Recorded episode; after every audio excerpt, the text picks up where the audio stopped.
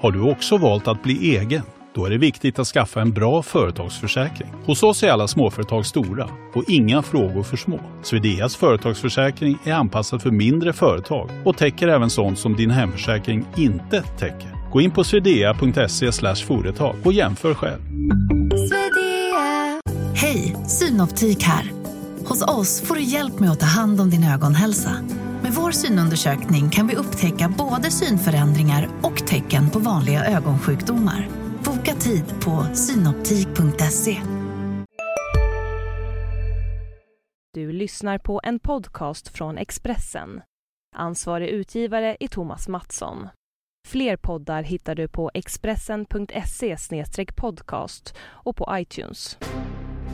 Det här är Expressen Dokument om andra världskriget. Del 2. Hitlers blixtkrig. Mitt namn är Patrik Almqvist.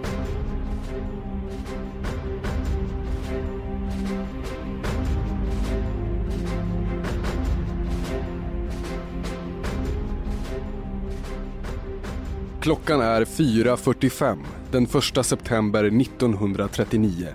En fredag. Och solen stiger upp bakom halvön Västerplatte utanför Gdansk.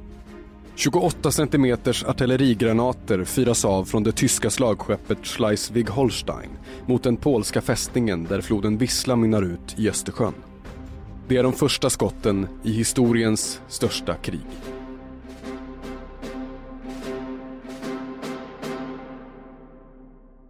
Alfred Naujoks hette han. En 28-årig Sturmbannführer i SS. Mekaniker från Kiel. Glödande anhängare till Adolf Hitler. Naujoks startade andra världskriget. På kvällen den 31 augusti 1939 får SS-löjtnanten ett topphemligt uppdrag. Orden verkar lite underlig men befallningen kommer från Heinrich Himmlers högra hand, säkerhetstjänstens chef Reinhard Heydrich och då får inga frågor ställas. Gleiwitz är en stad med 200 000 invånare vid dåvarande gränsen mellan Tyskland och Polen. Före kriget var staden tysk. Nu är den polsk och heter Gliwice. Major Naujoks och de sju männen i hans grupp samlas nedanför radiotornet. En ståtlig 118 meter hög träkonstruktion som liknar Eiffeltornet. De är klädda i polska uniformer men har tyska vapen automatpistoler av märket Luger och Sturmgevär 44. En grön lastbil svänger upp framför tornet. Sex medvetslösa män lastas ur. Det är fångar från KZ-lägret Sachsenhausen. Lägerläkaren har gett dem bedövningssprutor. Fångarna har polska uniformer och polska handeldsvapen utan kulor i hölstren. På kommunikationsradion får majoren lösenordet för att sätta igång operationen Mormor är död. SS-männen bryter sig in i radiostationen och bryter de reguljära tyska sändningarna. De kopplar in en nödsändare och en SS-man som talar polska läser upp ett tre minuters tal, väl förberett. Vi uppmanar alla polacker att ta till vapen. Alla tyskar som sätter sig till motvärn ska dödas. Tyskland ska inte längre förtrycka oss. Sändningen avslutas med att SS-männen skjuter ett skott i taket. De medvetslösa lägerfångarna placeras utanför radiotornet och genomborras av skott. Gestapo levererar ännu ett lik. En 43-årig polskvänlig tysk bonde från Schliessen, Franz Honjok, som gripits dagen före. Hans kropp, full av kulor, dumpas vid trappan till radiostationen. Vid tullstationen i Hochlinden, skogvaktarstugan i Pitchen och på 18 andra ställen längs den polska gränsen genomförs samtidigt liknande aktioner. Kriget startar med en bluff. En krigslist iscensatt av Reichsführer Heinrich Himmler och godkänd av Adolf Hitler. Det måste se ut som om Polen är angriparen när kriget bryter ut. Det är krigets första lögn. Hitler har planerat attacken mot Polen i månader. Första målet är Gdansk, eller Danzig som tyskarna kallar den viktiga hamnstaden vid Östersjön som efter första världskriget blivit en fristat administrerad av Nationernas förbund. Natten till den 1 september har Nazityskland 3 miljoner soldater, 400 000 hästar och 200 000 fordon vid gränsen. Soldaterna har förflyttats under förevändning att de ska delta i en manöver. På natten får de order att byta löspatronerna mot skarpa skott. Inte förrän då förstår männen att det är på allvar.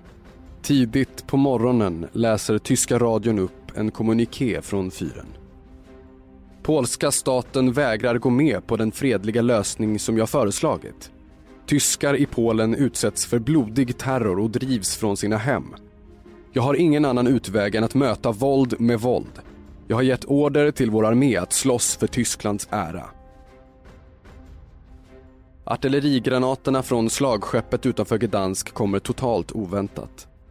Schleswig-Holstein, ett veteranskepp från 1916, hade anlänt till hamnen i Gdansk dagen före. För ett officiellt vänskapsbesök, sades det. Även det är en krigslist.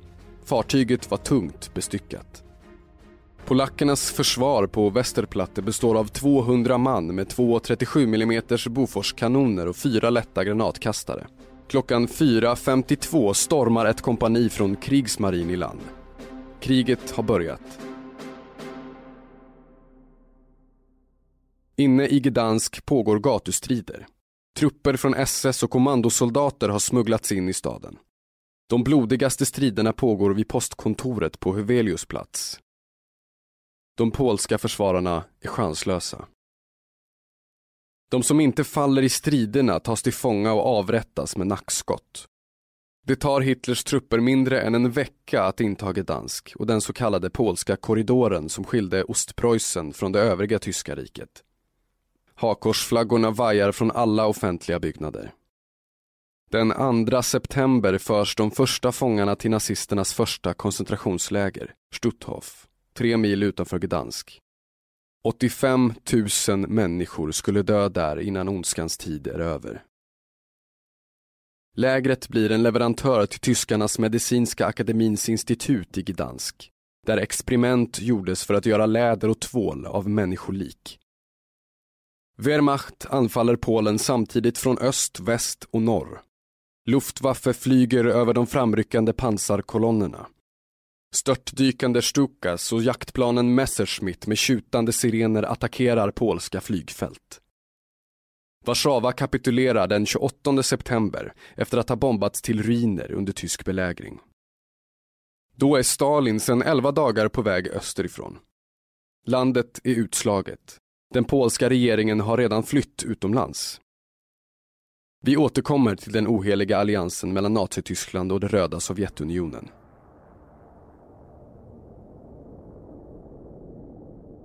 Europa är i chock. Och ändå är blixtkriget mot Polen inte oväntat. Ryktena har surrat i veckor.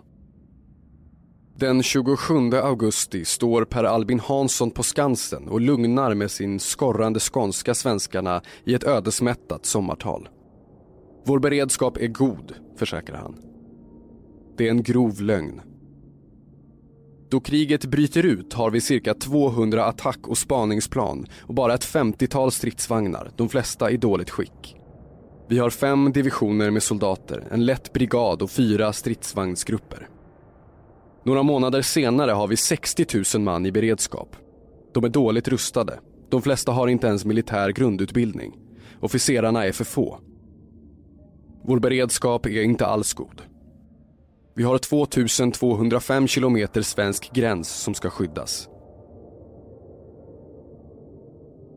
I England är kung George den sjätte arg.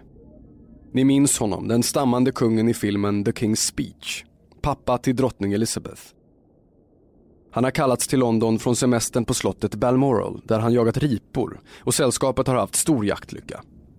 1600 skjutna fåglar på några dagar och kungen ville träffa fler. Premiärminister Neville Chamberlain bryter också semestern. Han har fiskat laxöring i Lairg i Skottland. Två herrar som är missnöjda över att fyren startat krig mitt under deras ledighet kallar in parlamentet och förbereder svåra tider. Den 3 september förklarar Storbritannien och Frankrike krig mot Nazityskland. Båda länderna har gett löften.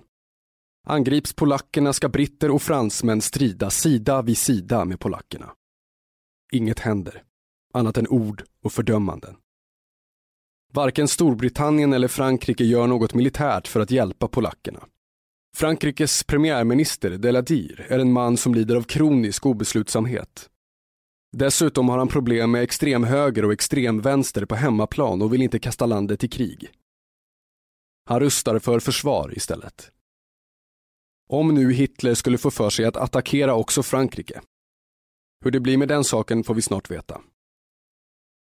Britterna skickar en expeditionskår till Frankrike och skulle ha kunnat anfalla Tyskland från väst där gränsen är sårbar.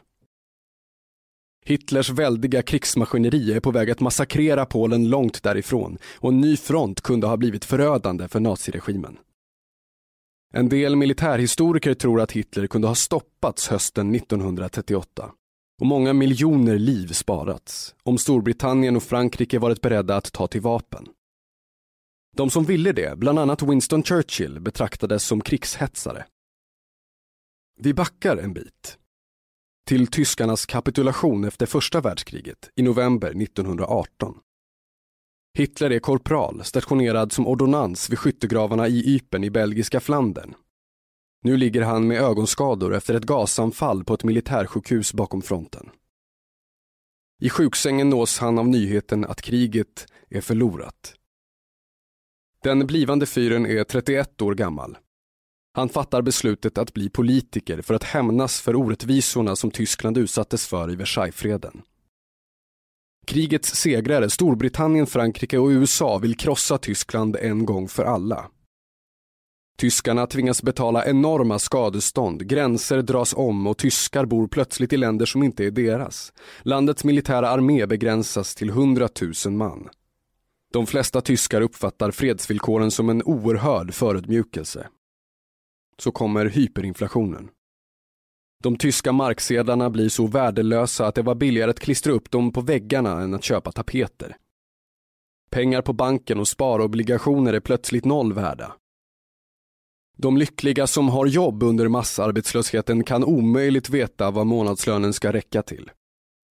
En månad kan 100 miljoner mark vara en avsevärd summa. Månaden efter är en halv miljard bara fickpengar. 1921 är Hitler med i München när Nationalsocialistiska arbetarpartiet, NSDAP, bildas. Adolf Hitler ritar partiets flagga. Ett svart hakkors mot vit och röd botten. Han hittar på en hälsning som ska stärka gemenskapen bland anhängarna. Heil, med höjd och rak högerhand. Han omvandlar sitt hat till ett partiprogram och ger tyskarna tydliga syndabockar. Judar och kommunister. Hitler lovar alla allt. Och det ger honom en väljarskara bland omdömeslösa, besvikna och fattiga. I boken En tysk mans historia skriver Sebastian Haffner, en författare som upplevt nazismens framväxt, att Hitler gjorde allt vanvettigare uttalanden och allt mer monstruösa handlingar. Och hans hypnotiserade publik föll motståndslöst för äcklets trollmakt och ondskans rus.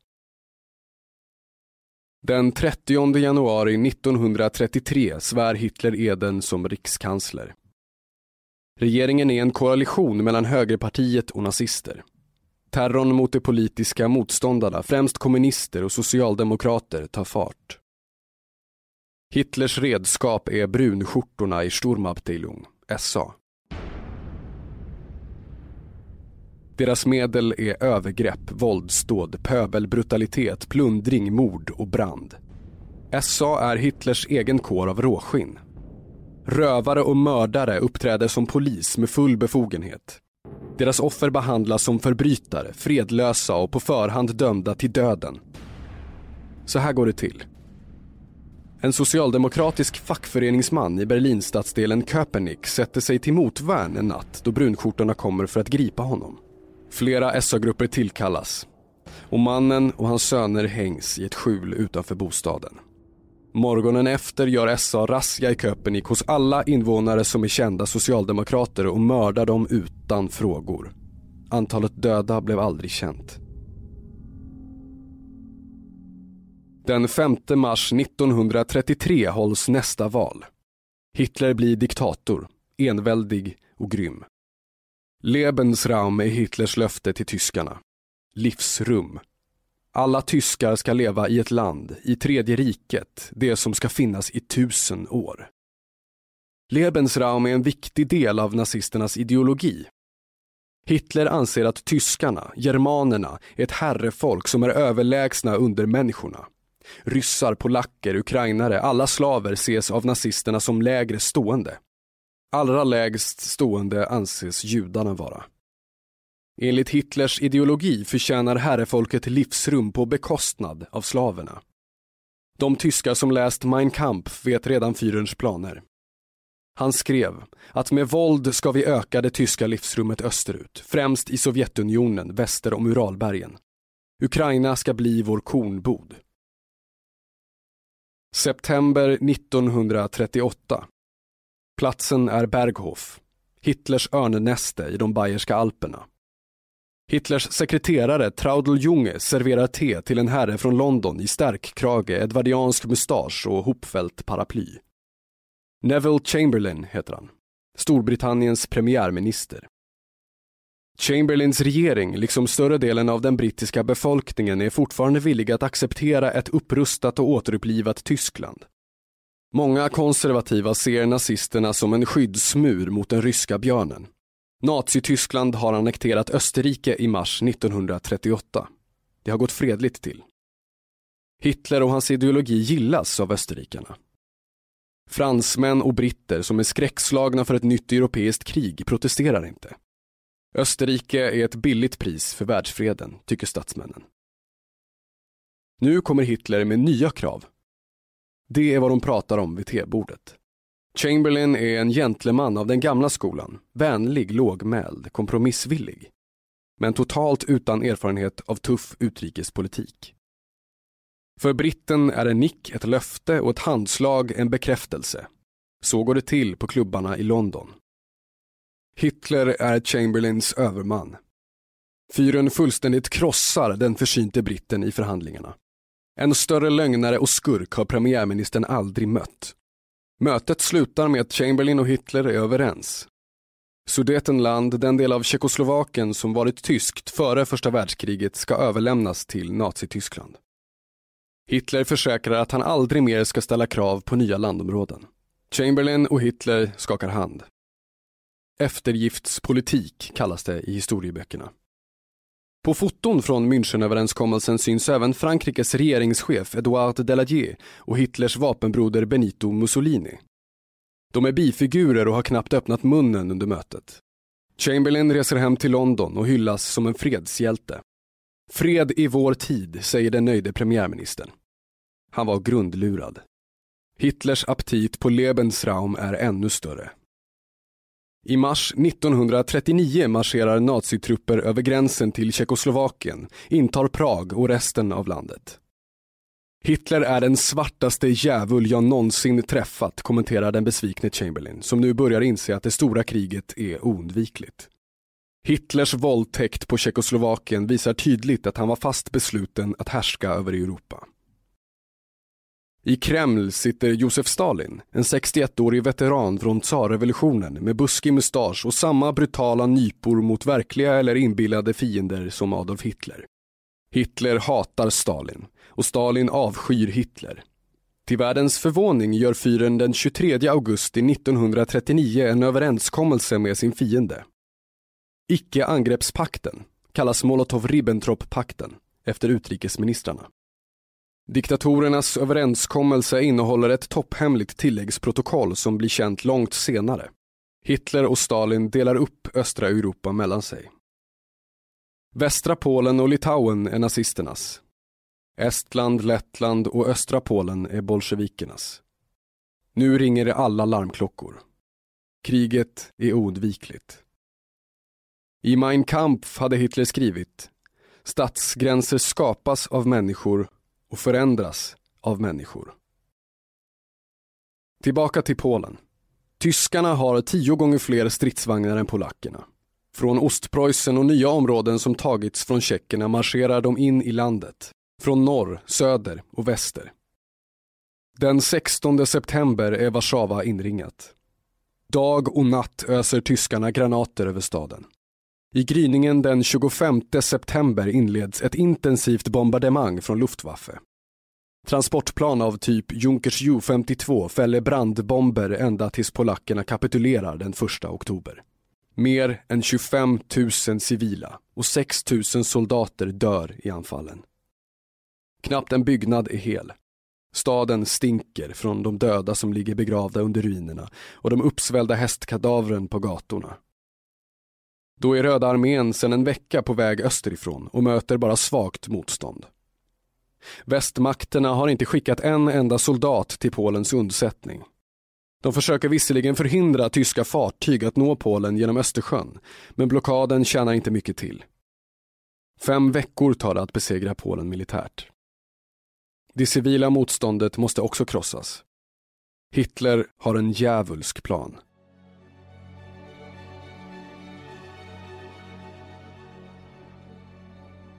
Alla tyskfientliga bakom de stridande trupperna ska förintas. Heinrich Himmler har gett aktionen ett namn. Intelligentsia-aktionen. Nazisternas mördarligor får order att avrätta polska politiker, professorer och lärare, präster, före detta officerare och tjänstemän, adelsmän. Alla som kan tänkas bli motståndare. Samma order gäller judarna. En av nazisternas första åtgärder då polackerna besegrats är att stänga högskolor och gymnasier. Bara grundskolor får vara öppna. Eleverna ska lära sig läsa och räkna. Mer behövs inte för en klass av livegna. Hitlers avsikt är att göra polackerna till lydiga slavar, till billig arbetskraft åt herrefolket. Den 22 augusti 1939 har Adolf Hitler ett möte i rikskansliet i Berlin. Heinrich Himmler gör anteckningar av Führers order. Polens förintande är huvudsaken. Målet är eliminerande av de levande krafterna. Förhärda mot medlidande. Brutal framfart. 80 miljoner tyskar måste få sin rätt. Det starkare har rätt. Största hårdhet. Det planmässiga massmordet på polska befolkningsgrupper styrs av sju insatsgrupper från Gestapo. Insatsgrupperna har hjälp av råskinn ur SS-divisionen Totenkopf med dödskallemärke på uniformsmössan. En av officerarna hörde ni om i början av artikeln, Alfred Naujoks, mannen som utan att veta om det startade andra världskriget. Operationen har ett namn, Tannenberg. Efter den historiska ort där riddarna i tyska orden besegrades av polsk-litauiska styrkor i ett blodigt slag 1410. 500 år senare kommer hämnden. Veckorna före krigsutbrottet grips och skjuts 2000 polacker i Tyskland. Timmarna efter att slagskeppet i Gdansk avlossar första salvan inleds den andra fasen i Operation Tannenberg. Den paramilitära organisationen Folktyska självförsvaret, Selbstschutz, som har 82 000 fanatiska Hitleranhängare spelar en viktig roll. Nazisterna har redan namnlistor. Mördarbanden går från by till by. De kastar handgranater ner i källare där skräckslagna bönder gömmer sig. I grusgropar utanför Mnisek i Kijavin-Pommern massakreras 10 000 polacker och judar. De flesta kvinnor, barn och gamlingar av folktysk milis. I en skog utanför Karlshof skjuts 8000 polacker efter att de själva tvingats gräva sina gravar. Motstånd är meningslöst. Det räcker med att nazisterna hittar ett jaktgevär i ett hus så bränns hela byn i kollektiv bestraffning. Över 500 byar tänds på i krigets inledningsskede. Och då Wehrmachts pansarvagnar rullar norrut lyser horisonten av ett rött sken från brinnande samhällen. Allra värst drabbas judarna. I Govorvo i östra Polen tvingar ett Waffen-SS-förband stadens invånare att samlas på torget. Ett femtiotal människor med judiskt utseende skjuts omedelbart. Efteråt tvingas invånarna att välja efter sin tro. Judarna ska gå till synagogan och de kristna till kyrkan. De som väljer synagogan låses in och soldaterna tänder på. Östjudar med skägg och kaftaner är särskilt hatade av Totenkopf och de andra mördarbanden. Östjudarna är lätta att känna igen och de ser ut som nidbilderna som publiceras i nazisternas hattidningar. Männen misshandlas eller dödas. På åldermännen rakas skägget av. Unga kvinnor våldtas inför sina barn och deras hebreiska biblar bränns på bål. I de ockuperade områdena börjar dödandet av patienter på mentalsjukhus. Enligt nazisternas ideologi är de sjuka undermänniskorna utan rätt att leva. I Poznan har Gestapo ett högkvarter i ett 1800-talsfort. Dit förs mentalpatienter. Där använder de en ny metod för avrättningar, för att spara kulor. Den 12 december 1939 står en man med fjunig mustasch och stålbågade glasögon och tittar på. Det är Heinrich Himmler, den blivande chefen för förintelselägren. Genom ett väl isolerat fönster ser Himmler hur patienter förs in i en källare och genom slangar släpps kolmonoxid in. Det är de första massmorden som nazisterna begår med giftgas. Senare ska anläggningen ersättas av gaskammare monterade på lastbilsflak. Och ännu senare med dödsfabriker som Auschwitz och Majdanek. 760 massavrättningar är dokumenterade. Troligen var de fler. Närmare 65 000 människor mördas innan året är slut. Visst finns det protester mot metoderna som SS använder. Flera av generalerna tycker att massmorden på civila skadar krigsmaktens ära. Generallöjtnant Johannes Blaskowitz, chef för åttonde armén, skriver ett uppretat brev till Heinrich Himmler och försöker få stopp på grymheterna. De får då svaret från en ursinnig Adolf Hitler att man kan inte sköta ett krig på samma sätt som Frälsningsarmén. Det finns ett känt rättsfall på krigsbrott. En soldat från Waffen-SS ställs inför krigsrätt efter att han i september 1939 stängt in 50 polska judar i en synagoga och mördat dem med maskingevär. Han frikändes. I domen står att soldaten handlat i irritation över grymheter som polacker begått mot etniska tyskar i landet. Stalins krig i Polen är lika brutalt som Hitlers. Alla motståndare, alla som kan tänkas bli ett hot mot ockupanterna, måste bort. Under de första månaderna av annekteringen deporterades mellan 800 000 och 1,5 miljoner polacker till arbetslägren i Gulag. Besegrade polska soldater förs till läger i Vitryssland och Ukraina. Där skjuts 21 857 polacker, varav 14 700 officerare, anklagade för att vara klassfiender. I skogsområdet Katyn väster om staden Smolensk i Ryssland arkebuseras 4 421 polska officerare på order av Stalins säkerhetschef Lavrentij Berija. Polen dör i blod. Resten av Europa gör inte mycket. De allierade styrkorna väntar passivt på ett tyskt anfall bakom Maginotlinjen, Ett befästningssystem som går längs den fransk-tyska gränsen och fortsätter till gränsen vid det neutrala Belgien. Den 9 april 1940. Luften doftar vår och morgonen är tidig. Då marscherar Hitlers trupper in i Danmark utan att möta motstånd. Exakt vid samma tidpunkt, tyska tunga fartyg i krigsskeppsgrupp 5 kommer genom Oslofjorden för att ta den norska huvudstaden med överraskning. Striden om Norge varar i 62 dagar. Järnmalmen från gruvorna i Gällivare och Kiruna är orsaken till grannländernas olycka. Sverige står för mer än hälften av järnmalmen till Nazityskland. I Kruppkoncernens smedjor i Ruhr blir malmen till vapen. Det militära målet med operation Weser Übung, tyskarnas kodnamn på ockupationen av Danmark och Norge, är att säkra järnmalmstransporterna. Malmen skeppas ut från Narvik och Hitler vill förhindra att Storbritannien tar kontrollen över norska hamnar. Sverige slipper krigets fasor. Priset är att vi fortsätter leverera järnet och att tyska trupper får använda svenska järnvägar. Än idag kastar eftergifterna skuggor på vår neutralitet. Den 10 maj talar Adolf Hitler till tyska folket i radio och säger att den idag begynnande kampen kommer att avgöra den tyska nationens öde under de kommande tusen åren. Då rullar redan hans pansarkolonner och Stukaplanen spyr död och förintelse. Tyskarna inleder offensiven med att invadera de två neutrala länderna Nederländerna och Belgien. Nederländerna kapitulerar efter fem dagar, efter att hamnstaden Rotterdam förvandlats till ruiner av tyskt bombflyg. Frankrike återstår. Hitlers militära snille, generalen Erik von Manstein, har utarbetat en plan för att undvika den tungt befästa Maginotlinjen och istället tränga in i Frankrike längre söderut, genom Ardennerna. De bergiga Ardennerna ansågs vara näst intill oframkomliga.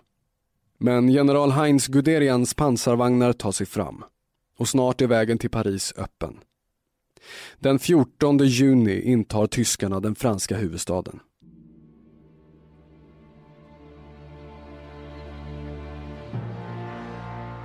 Klockan fem på morgonen 28 juni 1940 landar Adolf Hitler på Le Bourget-flygplatsen. Han vill se staden som han erövrat. Motorkaravanen kör genom ett folktomt Paris. Hitler vill se invaliddomen där hans idol Napoleon är begravd. Han fortsätter till Eiffeltornet, rundar Triumfbågen, åker till Notre Dame. Fyren går upp för trapporna i Sacré-Cœur och blickar ut över staden som nu är hans. Adolf Hitler står på toppen av sin makt. Nu återstår att knäcka de uppstudsiga britterna och bulldoggen Winston Churchill som envist vägrar att ge upp. Ni kanske undrar vad som hände Sturmbannfyren Alfred Naujoks. Efter attacken vid radiotornet i Gleiwitz och räderna i Polen fortsätter han att vara en av Hitlers mördare. Han befordras till Obersturmführer, förste löjtnant och förflyttas till Belgien där han infiltrerar motståndsrörelsen och begår flera mord.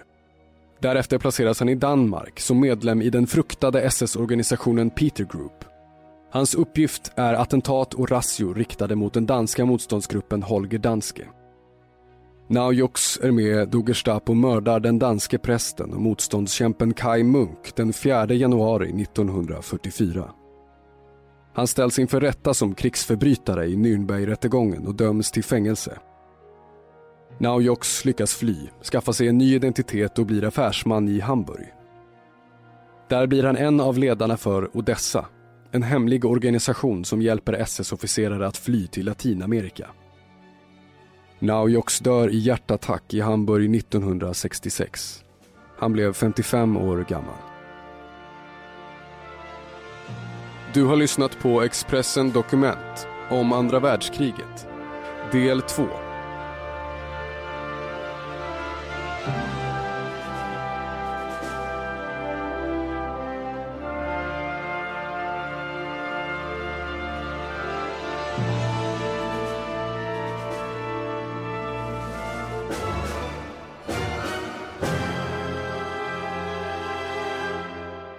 Har lyssnat på en podcast från Expressen. Ansvarig utgivare är Thomas Mattsson. Fler poddar hittar du på expressen.se podcast och på iTunes.